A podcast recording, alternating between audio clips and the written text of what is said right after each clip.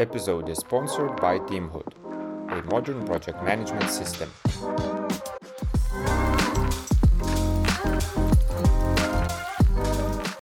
Good morning. Good morning. Have a seat. Thank you. I've looked over your CV. Yes. I see you worked at Global Limited. Wow. Oh, yes, uh, for a number of years. Very impressive. Thank you. What just happened? Yeah, let's try this again, shall we? Good morning. Good morning. Have a seat. Th- Thank you. I have looked over your CV. Yes. I see you worked at the Global Limited. Yes, uh, f- for a number of years. Very impressive. Thank you. okay. Thanks, Shirley, for joining me on the Agile Couch. It's always nice to see you here.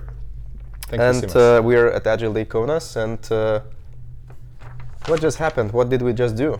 I don't know. We had twice the same, exact same conversation, word for word, right? Exactly. But- and wh- why we do that? I don't know because it felt like to- two totally different conversations. And and actually, this is an activity that we just did. So for those of you who weren't there, you know, like now you know what you missed. We did an improv game activity, um, which goes about having a neutral text being read into different moods and. Of course, like always, the purpose of the activity is not the activity itself, but mainly the debriefing uh, behind that.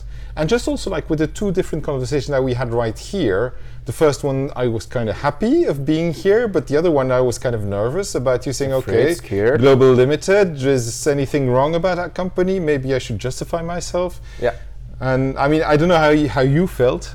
Yeah, it was really, really interesting because at the beginning I felt energized, oh, all was good, and then Happy to I- see. I, yeah, and then I feel that you're scared, and yeah, but why he's scared? Maybe I need to dig deeper, Mm. more into that, and I was anxious as well.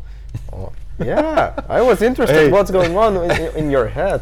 and we were role playing, uh, by the way. So, so Yeah, it's just a but, game. But it's really interesting to see that because um, I mean the reason why I, I also bring in improv activities with the teams I work with, because sometimes people don't realize how much their own mood actually influences what's happening. You know, like when you receive a text message or an email, depending on your mood, you could also read it in a totally different, like, you know, this whole conversation, you could miss uh, understand it and then you start making assumptions of the others. So the critical thing is like playing this game really shows how important mood is or non-verbal communication, if that makes any yeah, sense. Yeah, and I think uh, as we were playing this game uh, in the workshop, uh, what I took away that it's not only the mood or the energy levels, but as well body language Mm. of Yeah, how you're totally. sitting, wh- Yeah. whether you're standing or you know, like, yeah, oh, I'm a bit scared or, or- yeah. Yeah, yeah, yeah. So all these things around makes a huge difference of how you're being understood by others and the, the energy levels. But uh, what it is that you would maybe I don't know naturally would recommend for people in such situations where I don't know they feel that they are not heard or they're feeling that others are not listening. So I mean, I would say that first, already having that feeling is a great first step, because that also is a is a big awareness.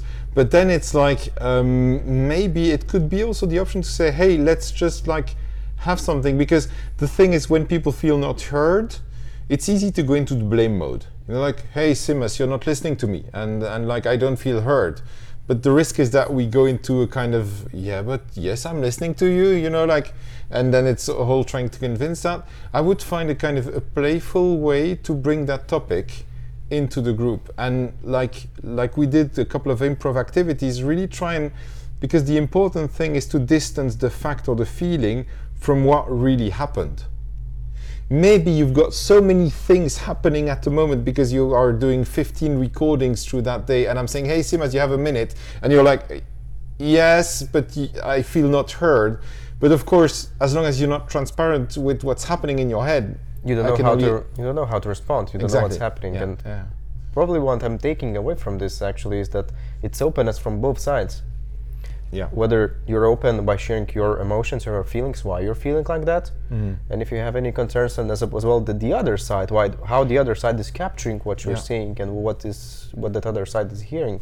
Yeah, and and for that thing, uh, improv activities help with distancing ourselves from our emotions.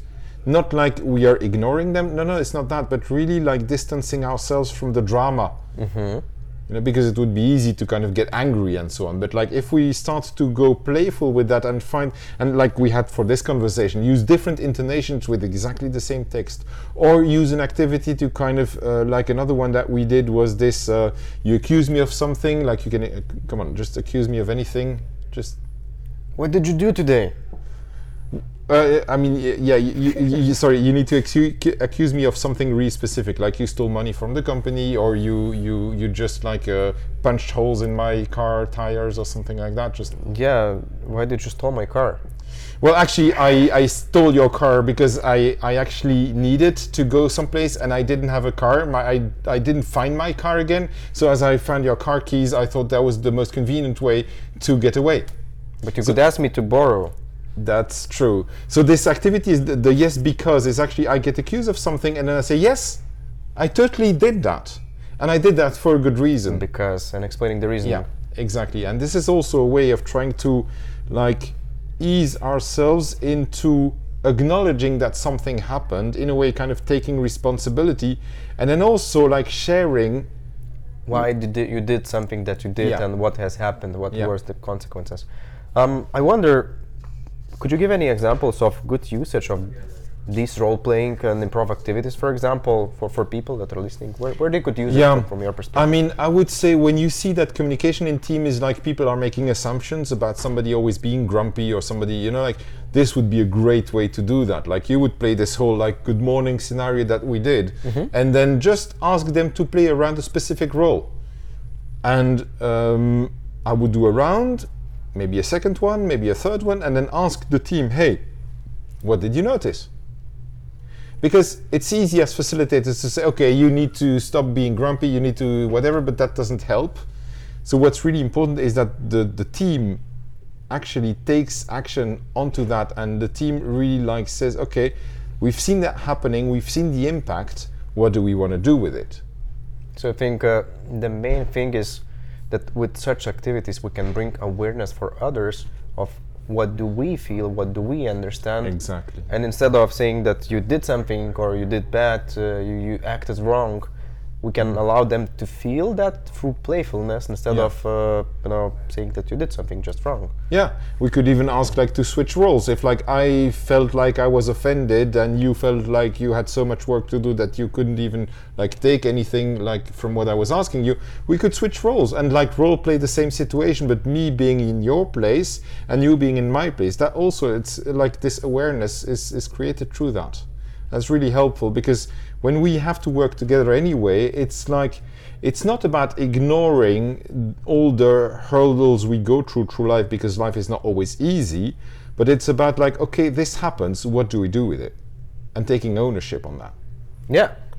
Thank you, Louis, for sharing your thoughts and perspectives. Thank you, I think we're out of time and you're heading to the next ah, workshop. Yes, yes, So exactly. It's so, nice thank to you have so you. much. Thank you for being here. See you next time. Yeah, you're welcome. Bye.